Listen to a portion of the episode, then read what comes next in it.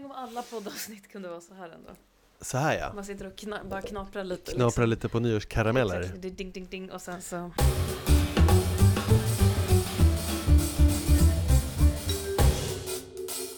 Varmt välkomna till Juristerna svarar. Det här är en av Företagarnas poddar där ni som lyssnar ska få tips, svar och råd som hjälper er i er företagarvardag.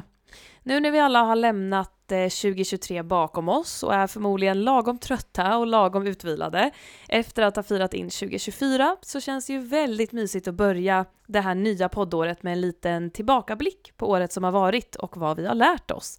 En liten nyårsspecial helt enkelt. Det låter ju helt fantastiskt. Underbart. Mm. Och eh, inför det här avsnittet då så har vi valt ut fyra nyårskarameller, frågor alltså, Mm. eh, från avsnitt som släpptes under 2023 som vi tycker är ja, men, lite extra viktiga att komma ihåg och hålla koll på eller som bara är väldigt intressanta helt enkelt. Så idag så blir det juridikmys.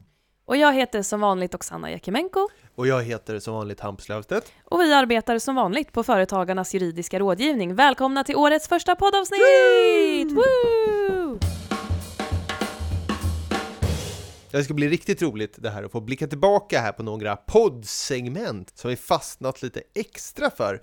Och vi hoppas att ni lyssnare ska få en riktig juridisk nyårskänsla här med det här avsnittet. Tyckte du det var svårt att välja ut dina favoriter Oksana? Ehm, ja men både ja och nej. Alltså under 2023 så hade vi ju väldigt många bra avsnitt, vi hade väldigt många bra gäster. vi Just testade det. också på det här nya konceptet med Case onsdag, så att vi har ju haft en hel del. Men Mm, mm. Eh, jag, har mina, jag har mina två favvisar så att säga. Jag märkte faktiskt när jag tittade på de avsnitt och frågor vi har valt ut att Mm. tre av fyra är ju faktiskt gästavsnitt så att säga. Mm. Ödmjukt. Ja men verkligen, det måste man säga. Det, det, ska, det ska man ge oss, eller hur?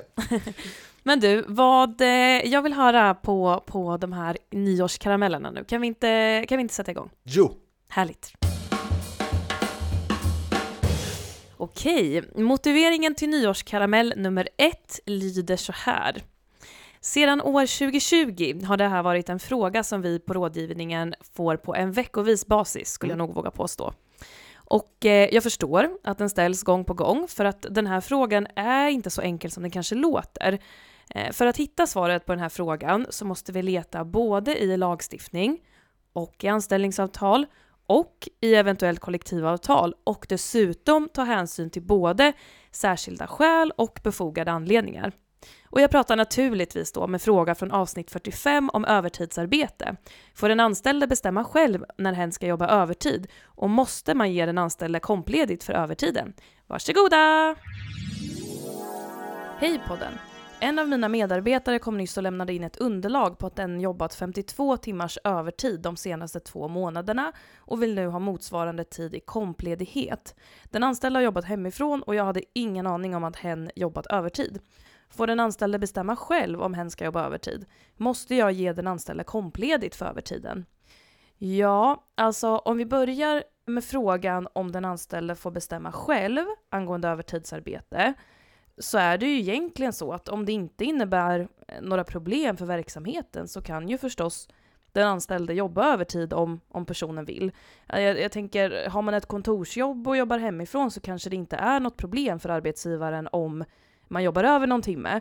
Men det kan ju samtidigt bli en helt annan situation om man jobbar inom industrin och övertidsarbetet innebär att den anställde eh, kanske bryter mot säkerhetsföreskrifter eller utsätter sig själv för fara eller liknande då, om den stannar kvar och jobbar mer efter att alla andra har gått hem. Men däremot så har ju en anställd aldrig någon skyldighet att jobba mer än sin ordinarie arbetstid, om arbetsgivaren inte har begärt det. Och jag tänker liksom problemet kring det här att den anställde bestämmer själv om den vill jobba övertid, det uppstår egentligen först när man pratar om ersättningen för övertidsarbetet.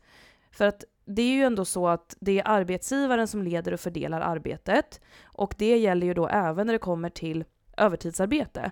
Och enligt ADs eh, praxis då, närmare bestämt rättsfallet som heter eh, AD 1975 nummer 23, skönt att man har en fusklapp här, Mhm. så, så har det konstaterats att för att övertidsersättning ska utgå så krävs det att övertidsarbetet utförts på anmodan av arbetsgivaren. Så att det här betyder ju att den anställde har ju bara rätt till kompensation för övertidsarbete om det här övertidsarbetet då har beordrats av arbetsgivaren. Mm. Och, och motsatsvis då alltså inte rätt till kompensation i de fallen där den anställde helt och hållet på eget initiativ bara har bestämt sig för att jobba övertid. Men visst är det också så att även om arbetsgivaren beordrat övertid så har man som anställd inte alltid rätt till kompensation för övertidsarbete, eller? Nej, men precis. Alltså, förutom då att övertidsarbetet ska vara beordrat av arbetsgivaren för att man ska ha rätt till kompensation, så ska det, den här rätten också framgå genom avtal. Alltså antingen arbetstagarens anställningsavtal eller genom det kollektivavtal som arbetsgivaren är bunden av. Eh, för det är ju så att varken arbetstidslagen eller någon annan lag eh, reglerar någon slags rätt för anställda till kompledigt eller övertidsersättning eller något sånt. Så att det blir just en ren avtalsfråga då mellan parterna. Och det här betyder ju att det är helt enkelt upp till arbetsgivaren att avgöra om man vill erbjuda sina anställda kompledigt, övertidsersättning eller någon helt annan kompensation för övertidsarbete. Och där tänker jag att där finns det exempel där man som arbetsgivare istället då för att erbjuda kompledigt eller övertidsersättning har erbjudit eh, kanske några fler semesterdagar eller högre månadslön eh, för att kompensera då för eventuellt eh, övertidsarbete. Och det är ju helt okej att göra på det sättet. Så att ja, det är en ren avtalsfråga som sagt. Och ja, är det då så att man tittar i anställningsavtalet och står det ingenting i anställningsavtalet om att den anställda har rätt till någon viss typ av kompensation för övertidsarbete, nej, då har man ju helt enkelt inte det. Varken om arbetsgivaren har beordrat övertidsarbetet eller om man på eget initiativ har, eh, har jobbat mer än sin ordinarie arbetstid.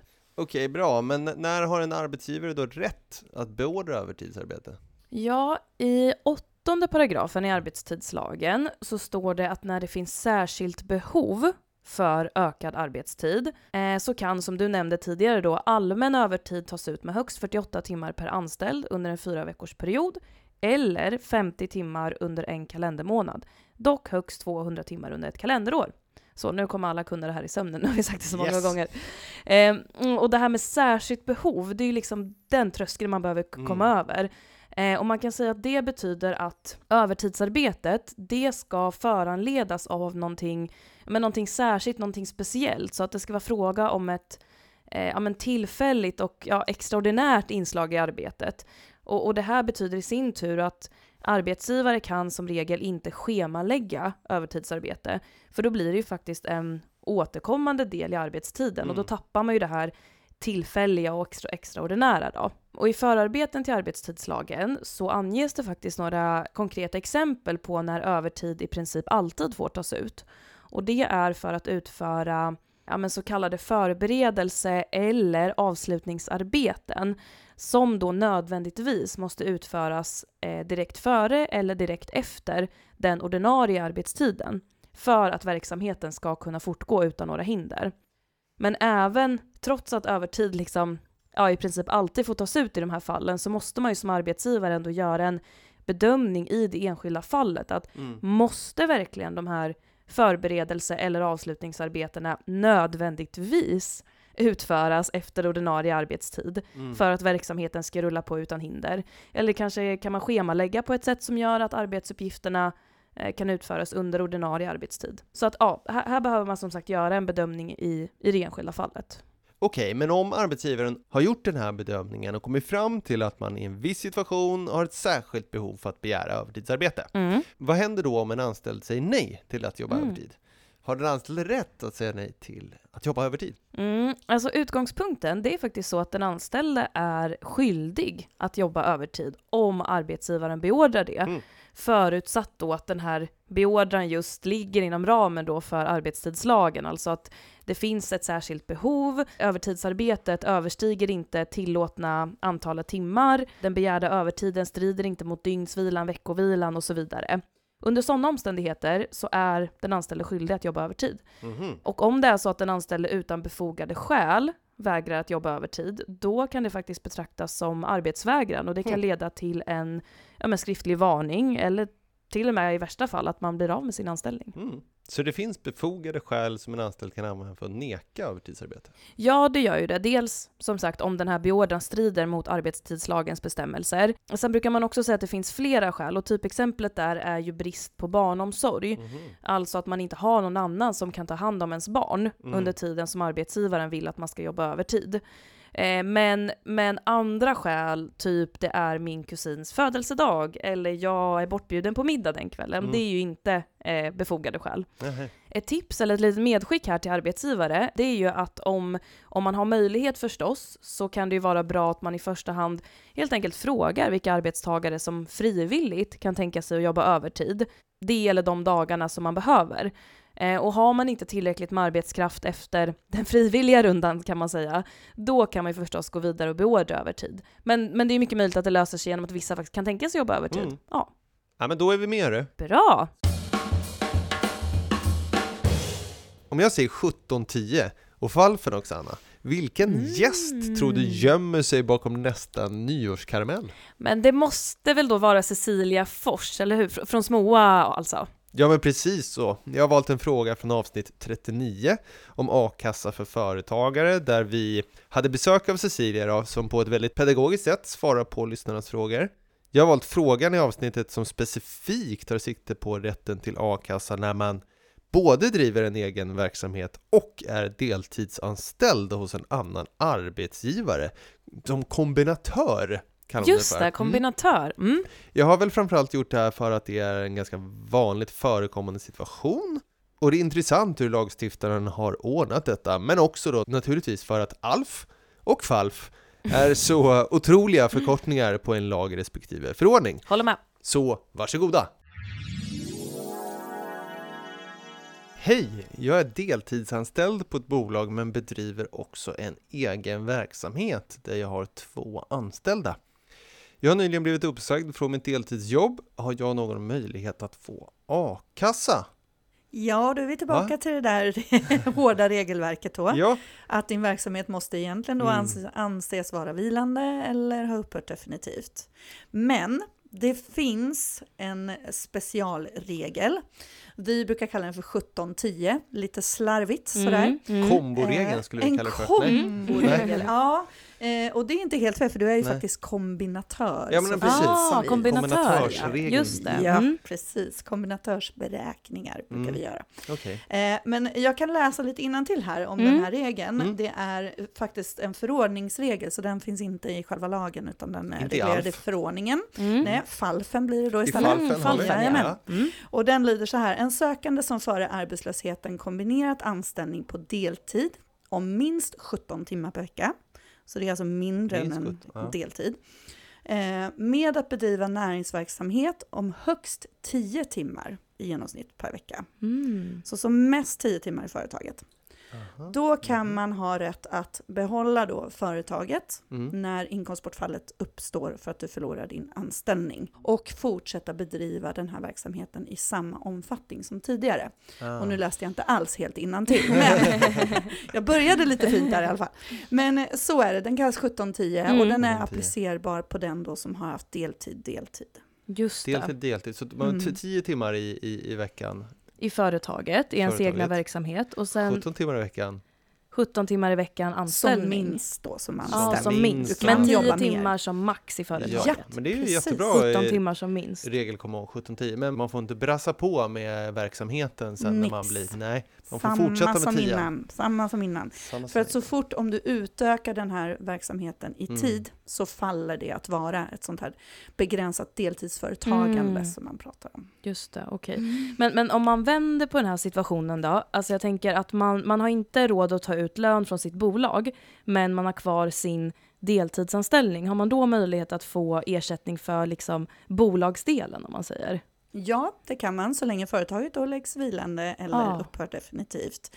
Då är det så, då finns det ju den här regeln att du måste vara anmäld som heltidsarbetslös på Arbetsförmedlingen. Mm. Du ska alltså intyga då gentemot Arbetsförmedlingen och gentemot a-kassan att du söker heltidsarbete. För då pratar vi om ett arbetsutbud som vi då säger är 40 timmar i veckan. Det är ju heltid. Eh, för du får liksom inte gå in och säga att ja, men jag söker deltidsarbete. Nej. För då finns det ingen arbetslös tid. Ah. För du söker deltidsarbete, du jobbar redan deltid. Då har vi ingen arbetslös tid att ersätta. Så Mm. du måste söka heltidsarbete, då kan du deltidsarbeta och samtidigt då, som man brukar säga förr, så sa man stämpla upp. Sa Mm. man. För då ersätter ju vi dig, om vi säger att du jobbar 20 timmar i veckan som anställd, så ersätter vi dig för de resterande 20 timmarna som du har förlorat i ditt företag Mm. då, så länge företaget har upphört eller ligger vilande. Eller ligger vilande. Yes.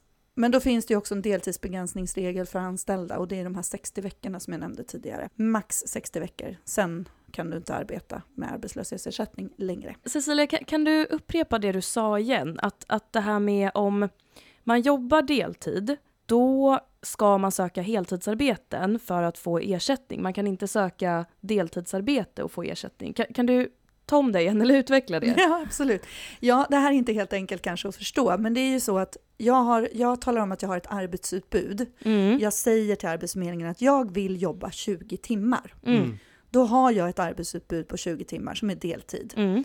Samtidigt så talar jag om att jag jobbar 20 timmar. Mm. Då jobbar jag redan hela mitt arbetsutbud. Mm. Då finns det ingen arbetslös tid kvar för a-kassan att ersätta. Mm. Medan om du säger att jag vill jobba 40 timmar, jag vill jobba heltid, jag Mm. söker ett heltidsarbete, beredd att ta ett heltidsarbete, men just nu jobbar jag 20 timmar, ja då finns det 20 arbetslösa timmar för Då finns det a-kassan att 20 ersätta. timmar kvar, liksom. exakt. Yes. Ja, ja, men bra. Precis. Precis så. Precis, så att man kan inte tänka att man liksom plussar ihop 20 plus 20, alltså 20 Nej. timmar någonstans, 20 timmar någon annanstans och det blir 40 och då ska man få ersättning, utan det krävs just att man söker heltidsarbeten då, 40 Exakt. timmar i veckan. För ditt arbetsutbud har ju tidigare varit 40, Ja, för du har jobbat ja. halvtid i företaget och halvtid i din anställning. Precis. Men skulle du då helt plötsligt säga att nej men nu vill jag bara jobba deltid, då har ju du sänkt ditt arbetsutbud frivilligt. Och då, jag vill bara jobba 20 timmar och jag gör redan det. Du ja men då är du nöjd. Ja, liksom. precis. Då, Ja. har man, då får man fyllt den kvoten om man säger ja, jag Ja. förstår, jag förstår. Ja, vad bra. Men du, som vi var inne på förut så är många av våra medlemmar,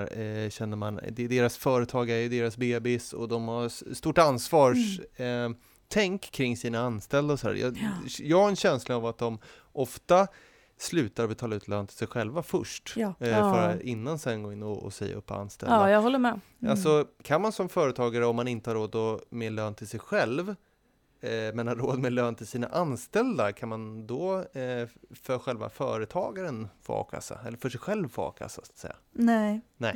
Det är ju det som inte går. Nej. För att vi tittar ju på dig som företagare. Mm. Och som Mm. företagare är du bara per definition arbetslös när företaget inte har någon verksamhet.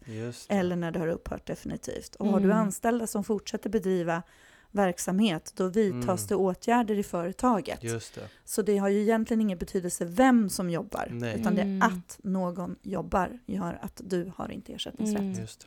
kan man ju tycka är synd att så här, man tänker att ja, men mina, man prioriterar liksom Ja. de tillgångarna som finns i bolaget för att slippa säga upp eh, sin Mm. personal och så tänker man men jag själv kanske kan få lite lägre ersättning än en vanlig lön så länge mina anställda fortsätter få det. Men då får Mm. man alltså ingen a-kassa för då Nej. betraktas inte företaget eh, vilande. vilande.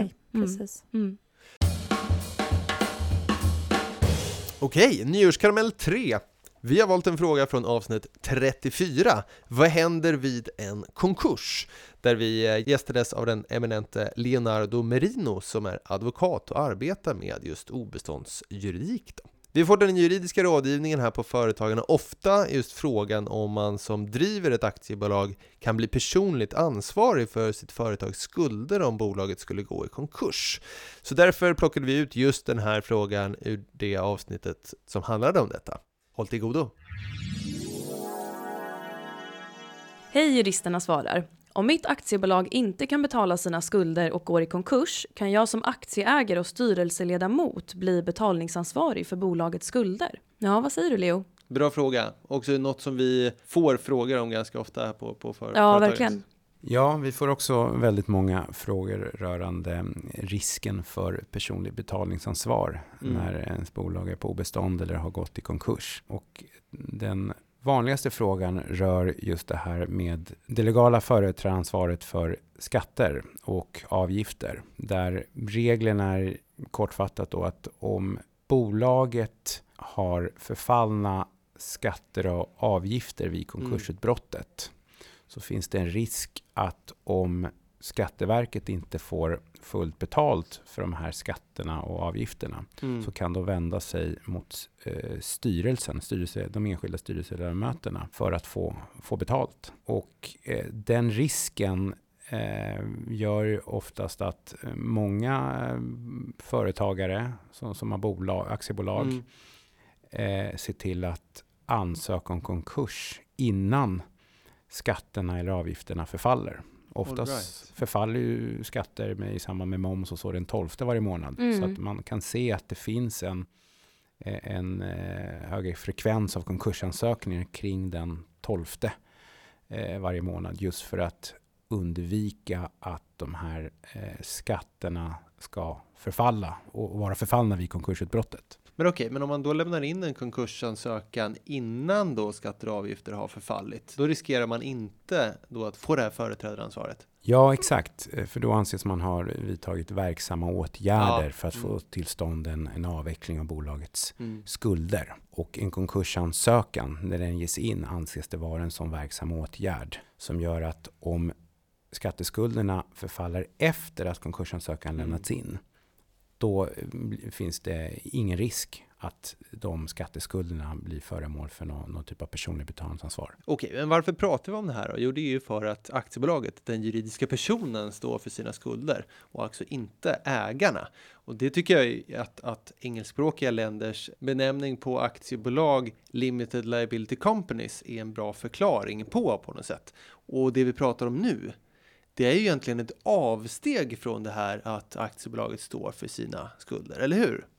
Tyvärr är det så eh, att eh, de flesta företagen vet ju att om bolaget ska ha någon chans att få, få lån så måste Mm. eh, ställföreträdaren eller ägaren eh, gå i personlig borgen Mm. för att bolaget överhuvudtaget ska kunna få ett lån. Därutöver kan även leasegivare kräva att ställföreträdaren går i personlig borgen. Vissa Mm. hyresavtal eh, kan också ha en, en sån klausul. Så eh, som svar på min fråga, nej, det är inte så begränsat ansvar Mm. som man skulle kunna tro. Nej. Därutöver finns det ju också dessutom eh, lagreglering om, om att om bolaget inte kan betala sina skatteskulder så finns det en risk då att ställföreträdaren får betala det gentemot Skatteverket. Och Mm. även då regler i aktiebolagslagen om det här med kontrollbalansräkning. Även där finns det då en legal grund för att styrelsen får svara för bolagets skulder. Och, och det är som du säger, det är ett Mm. avsteg från de här principen att det ska finnas ett begränsat ansvar som privatperson när man Mm. driver företag. Eh,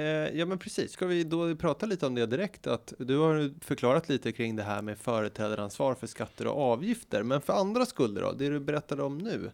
Eh, kan man bli betalningsansvarig för dem då som styrelseledamot och aktieägare? Ja, det finns de här snåriga reglerna i aktiebolagslagens 25 kapitel. Det här om kontrollbalansräkning som, jag, eh, som också är väldigt eh, vanligt förekommande, Mm. förekommande att man får frågor om från Ja men företagare. verkligen, verkligen. Och om inte annat så har eh, bolagets revisor eller redovisningskonsult gjort eh, företagaren uppmärksam på att de här reglerna Mm. finns. Mm. Och vad innebär de då?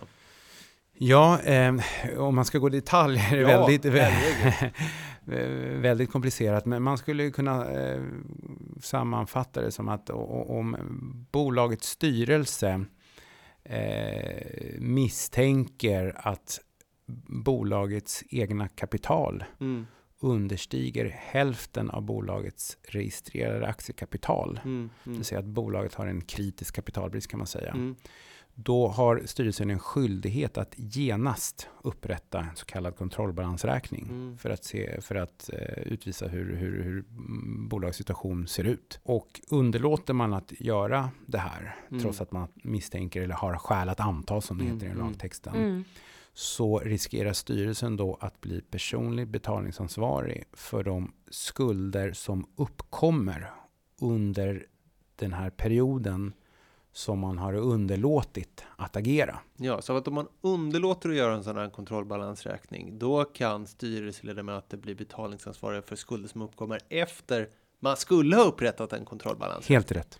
Ja, men det är ju en jättebra bra eh, varning eller eh, information till, till lyssnare och företagare. Och Mm. som du säger, så många ställer frågor kring. Mm. Men eh, om man nu gör en sån här en kontrollbalansräkning som man ska för att man är underkapitaliserat, vad händer sen då? Om den här kontro- kontrollbalansräkningen som man har upprättat då Mm. som, som styrelse eh, utvisar att eh, bolaget inte är underkapitaliserat, det vill Mm. säga att bolagets egna kapital överstiger hälften av Mm. det registrerade aktiekapitalet, Mm. då behöver man inte göra någonting. Nej. Då kan man bara sätt, eh, lägga den här kontrollbalansräkningen i byrålådan och inte Mm. tänka på den.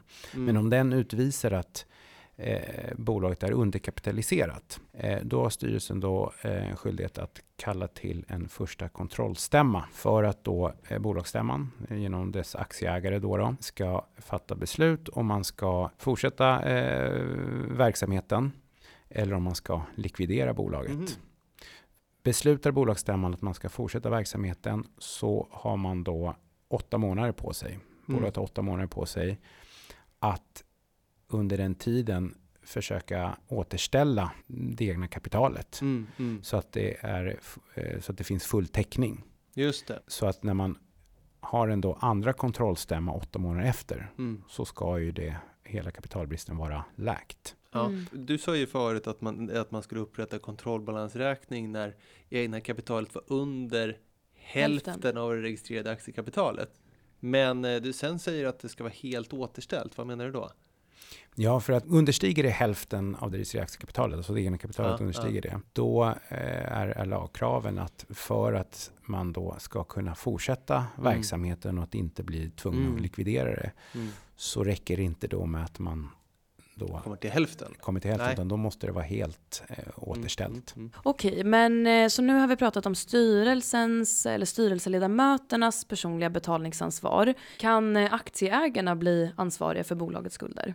Om det vid en andra kontrollstämma framgår att bolagets aktiekapital in- inte har återställts, då har ju bolaget en skyldighet att likvideras. mm. Om aktieägarna trots det eh, beslutar på bolagsstämman då att fortsätta verksamheten, då finns det en risk att man eh, blir eh, personlig betalningsansvarig även som aktieägare. Okej. Det är kanske ganska sällan det händer. Ja, vi har det är ingen inte, statistik på det, men man kan gissa att när det har gått så långt så kanske man inte tar ett aktivt beslut att driva det vidare. Vad vet jag? det är inte så vanligt. Nej. Nej. Men jag tänker, kan, eh, om, man, om man blir personligt betalningsansvarig eller har drivit ett bolag som har försatts i konkurs, kan det ställa till det för en på något sätt? Alltså kanske med om man vill starta bolag i framtiden eller på något annat sätt? Jag skulle vilja svara eh, nej på den frågan, men eh, tyvärr går det inte att vara så kategorisk. Eh, och det, det är ju så att du kan inte starta eh, ett aktiebolag eller sitta i styrelsen i aktiebolag om du själv är i personlig konkurs eller om du har fått näringsförbud. Mhm. Och båda de här stationerna är väldigt ovanliga, Mm. givetvis. Eh, så är du inte personlig konkurs och inte har, har näringsförbud så ska du kunna sitta i styrelsen och starta ett aktiebolag och, och registreras hos Bolagsverket och, och verksamt.se och allt Mm. vad det är. Men där vi har noterat att det ändå blir problem, trots att man eh, formellt sett Mm. fyller eh, alla kriterier för att kunna starta bolag, så eh, är det så att Skatteverket ibland eh, ställer frågor till eh, styrelsen då i, Mm. i, i, i bolag som är nyregistrerade i samband med att man ansöker om F-skatt. Just det. Där eh, om styrelseledamoten då eh, är restförd hos Kronofogden för skatteskulder eller kanske sitter i styrelsen i ett bolag där konkursen fortfarande är pågående Mm. Mm. så eh, vet jag att Skatteverket har ställt frågor. Mm. Men sen om Mhm. hur, vad de Skatteverket har för interna riktlinjer eller, eh, och så, det, det vet jag faktiskt inte. Nej, Men det okej. är inte helt problemfritt. Mm. Nej. tyvärr. Mm. För där är det väl så att de får återta och avslå F-skatt eh, om det är så att man har skatteskulder. Det verkar som det att de, att de gör Ja. det i, i Mm. det är inte alls ovanligt att de gör det. Ja okej, så att eh, det här med personligt betalningsansvar, det, det låter ju onekligen lite, lite läskigt. Mm. Eh, skulle det till och med kunna vara en anledning att inte, att inte starta ett, ett aktiebolag?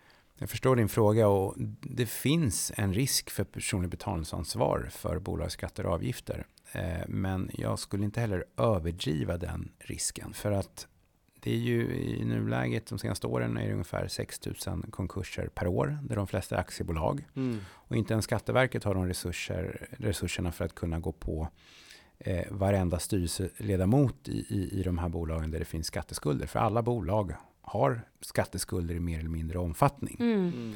Eh, Så där ska, därför ska risken för det här eh, personliga betalningsansvaret för bolagsskatter och avgifter inte överdrivas. Utan de fall som jag har noterat så har det varit eh, fall där bolaget eh, återkommande eftersatt sina skatteskyldigheter. Mm. vi ser tyvärr i många fall att en del företagare är livrädda just för det här ansvaret, för, Mm. för eh, risken för ansvar för, för skatter och avgifter som bolaget har.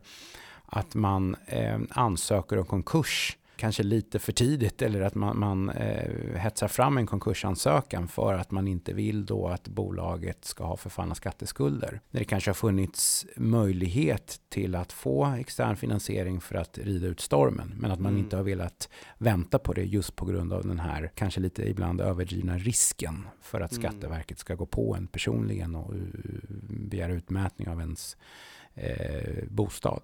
Mm. Men samtidigt har vi fått två tips på hängslen och livrem här för att undvika det och det är ju att göra kontrollbalansräkning i, i tid och att då inte ha förfallna skatter och avgifter. Helt rätt. Mm. Och eh, framför allt skulle jag säga eh, stalltipset verkligen att ha kontroll över den interna redovisningen. Förstå de ekonomiska rapporterna som man får från sin eh, redovisningskonsult Mm. och eh, ha en ordentlig likviditetsrapport mer än Mm. någonting annat. Ja, men då börjar vi närma oss slutet på det här avsnittet. Vill du göra något sista medskick? Ja, eh, det vill jag. eh, För att eh, vi träffar ju och, och pratar med företagare varje dag som Mm. är i en väldigt utsatt situation. Eh, framförallt i, i de här tiderna där hushållen squeezas från, från alla håll och, Mm. och då har ett begränsat konsumtionsutrymme. Men det skapar ju samtidigt nya konsumtionsmönster Mm. och beteendemönster från, från, eh, på, på olika sätt. Och de företag som överlever och som till och med har möjlighet att stärka sin position, det är de som också då kan förändra eller förfina eh, sin produkt eller tjänst för att Mm. anpassa sig till de här nya konsumtionsmönstren. Mm. Eh, och man ska inte heller glömma att eh, även konkurrenterna har det Mm. svårt. Så, så att, eh, kan man vara den, den företagare som då gör själv för, för namnet då, en, eh, entreprenör eller ett entreprenörskap och vara Mm. kreativ i att hitta de här nya möjligheterna som också skapas. Förutom då att givetvis eh, ha, ha koll på sin ekonomi, kanske försöka då omförhandla avtal, se över, eh, mm, ja, mm, tyvärr ibland personalstyrkan Mm, och sådana saker. Mm, mm. Ja, nej, men då tycker jag faktiskt att vi tackar Leonardo Merino för att du kom hit och pratade obestående konkurs här med oss i Juristerna svarar. Den sista men definitivt inte minsta nyårskaramellen så är vi framme vid en fråga som jag skulle säga berör och eventuellt upprör. Hampus. Mm. Eventuellt upprör många arbetsgivare och det är inte sällan som det blir missförstånd kring den här frågan. Men som tur är så var vår stjärna och näringspolitiska expert inom arbetsmiljöfrågor Liselott Argulander med i det här avsnittet och hon såg till att förklara hur det faktiskt ligger till. Så att den sista nyårskaramellen för den här gången kommer från avsnitt 46 om fackliga besök och arbetsmiljö. Och frågan lyder, måste man säga ja när facket vill komma till arbetsplatsen och göra en skyddsrond? Micken är din, Liselott Argulander. Hej! Vilka rättigheter och skyldigheter har jag som företagare när facket vill göra en skyddsrond hos oss? Vi har inte kollektivavtal, men facket säger att de har rätt att komma in i lokalerna och även ha enskilda samtal med alla anställda. Stämmer det här verkligen? Ja du Ah, Liselott, här är vad säger du om det här? Ja, nej, det stämmer inte riktigt, skulle jag säga. Nej?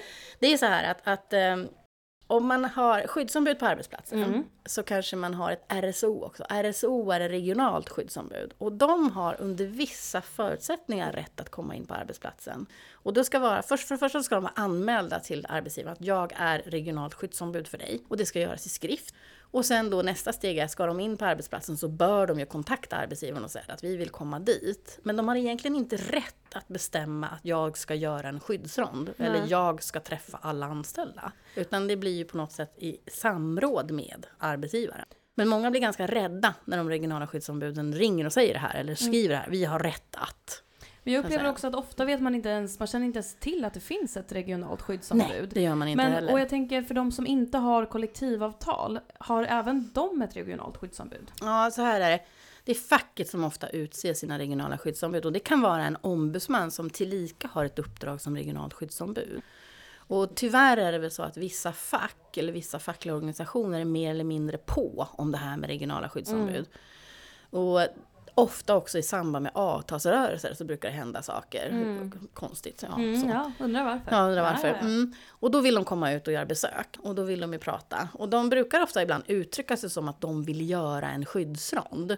Problemet med det är att de ofta kommer med checklister som de själva tar hand om och tar därifrån. Och det, då ska man säga ifrån tycker jag som arbetsgivare. Jag menar, det är ditt arbete, det är du som ska ha kontroll på din verksamhet och ditt, din skyddsrond. Men Så- menar du då att de kommer med en checklista Ja, till arbetsgivaren och precis. säger att här har du 71 punkter som du behöver? Nej, de kan göra så att de tar med sig en, en checklista, så går de runt i företaget och så prickar de av Aha. saker. Och sen tar de med sig den därifrån. Aha, men det, Och det, det är ju helt fel väg. ja, arbetsgivaren vill väl se och veta? Ja, precis. Aha. Men om vi, om vi backar lite då, vad, Mm. vad är liksom skyddsrond, eh, RSO, alltså regionalt skyddsombud, vad är syftet bakom de här besöken och vad är syftet med liksom en regional, regionalt skyddsombud? Ja, det, det är lagstiftningen som har det här i sig. Att man kan vara skyddsombud och då finns man lokalt på arbetsplatsen. Ar- Skyddsombud eller arbetsmiljöombud. Mm. Eller så kan man då ha ett regionalt skyddsombud. Eller så har man båda och. Och de regionala skyddsombudens främsta arbetsuppgift enligt lagstiftningen är att stödja de lokala skyddsombuden och det lokala företaget så att man kommer igång med ett arbetsmiljöarbete. Det står i lagstiftningen. Men sen vissa fackliga organisationer driver det här lite längre än vad man kanske borde göra. Men och vilka rättigheter har man då egentligen som, som företag eller företagare när man får ett meddelande? Hej hej, jag är regionalt skyddsombud, jag kommer på tisdag. Då har man ju rätt att skjuta upp det mötet. Och för det första så ska de ju vara föranmälda. Så det är i samband med att de också anmäler att de är regionalt skyddsombud. Då kan man säga det, men du vi har inte träffats förut och vi har inte tid just nu. Så vi vill att du kommer den här dagen. Och då ska vi berätta för dig vad vi gör i vårt arbetsmiljöarbete. Och skyddsrond, det gör vi två gånger om året. Och det ska vi tyvärr inte göra då när du kommer. Men det kan vi göra någon annan gång och då kan vi bjuda in dig. Så de har inte rätt att kräva den typen av liksom, arbetsuppgifter. Men måste de säga då vad syftet med besöket är? Alltså Ja, att vi, det bör vi de ju ska tala kolla om. extra på det här? Eller kan de bara säga att kan vi komma på skyddsrond den här, det här datumet? Alltså skyddsrond tycker jag då att man ska säga ifrån. Mm. Men de får gärna komma kanske och, och lyssna på dig som arbetsgivare, vad ni gör Mm. i arbetsmiljöarbetet. Och säger de då att Nej, men jag vill träffa, vi vill träffa era arbetstagare enskilt, Mm. allihopa. Mm. Och då får man säga det, nej men det har ni ju ingen rätt till. Därför att det de, de har rätt till att träffa sina fackliga medlemmar, som är medlemmar i det fack som kommer. Och det ska normalt sett inte ske på arbetstid, utan i anslutning Mm. till. Och då kan man ju så att säga, kan aldrig hindra en, en, ett fack att träffa sina medlemmar, men det måste vara frivilligt så tillvida att okej, du kan få träffa de som är dina medlemmar, eller vi kan sätta upp en lapp här och säga att du är här. Och så får de gå dit efter sin arbetsdag är slut eller på lunchen. Men du har inte rätt att kräva att träffa alla arbetstagare. Och Nej. jag tycker också att gör de det, eller ska ha ett möte med alla arbetstagare, då ska du som arbetsgivare vara med. För det här är inga hemligheter. Då brukar de ibland säga, nej men vi vill träffa dem enskilt. Ja men här jobbar vi och samverkar och samverkar om arbetsmiljöfrågorna. Så vi är med allihopa. Mm. Vilket bra svar. Men man har alltså en rättighet att eh, liksom föreslå en annan tid för mötet än Ja, det som, som facket tycker. Absolut. Man har, också in, man har inte heller någon skyldighet att på arbetstid möjliggöra för de anställda att träffa fackligt Nej. ombud. Utan det är Nej. utanför arbetstid som Ja, i är anslutning huvudregeln. till, på lunchrasten eller strax Mm, efter. Mm, mm. Är det någonting annat som man har, eh, liksom, har man skyldighet att göra någonting för det här besöket? Lite som vi pratade med inspektion från Arbetsmiljöverket. Ska man förbereda liksom, sina skriftliga arbetsmiljöpolicies? Ska man visa upp sina tidsredovisningar? Eller liksom... Ja, alltså jag skulle säga så här att jag tycker inte man ska liksom visa upp anställningsbevis och tidsredovisningar, för det Nej. har inte med det att göra. Nej. Men däremot så kan man ju tala om att så här bedriver vi vårt systematiska arbetsmiljöarbete. Mm, mm. Och vi jobbar enligt den här modellen. Vi Mm. har skyddsronder på våren och på hösten. Och sen har vi ett möte med alla arbetstagare där de får säga sin mening och sen tar vi upp det här i medarbetarsamtal. För Mm. det, så RSOs främsta uppgift är att stödja eh, arbetsgivaren och arbetstagaren att komma igång med ett arbetsmiljöarbete, inte att inspektera. Nej. Det är inte deras uppdrag överhuvudtaget. Jätteviktigt att understryka. Alltså stödja och inte inspektera. Det är Arbetsmiljöverket som inspekterar. Ja, bara Arbetsmiljöverket. Ja, jag har sett exempel på där, där liksom en hel avdelning från, från ett fack skickar ut att den här, den här, den här, den här, den här, kanske fem, sex namn Ja, är ja. regionalt skyddsombud. Ja.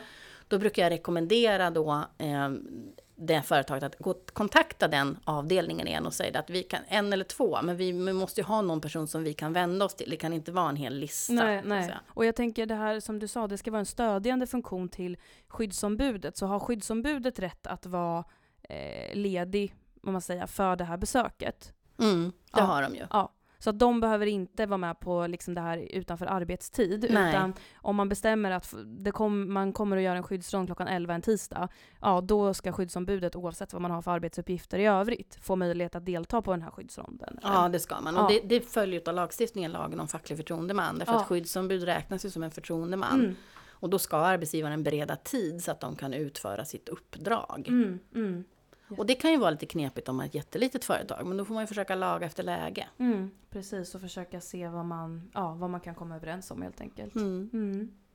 Spännande. Har du någonting annat som du vill skicka med i den här frågan då?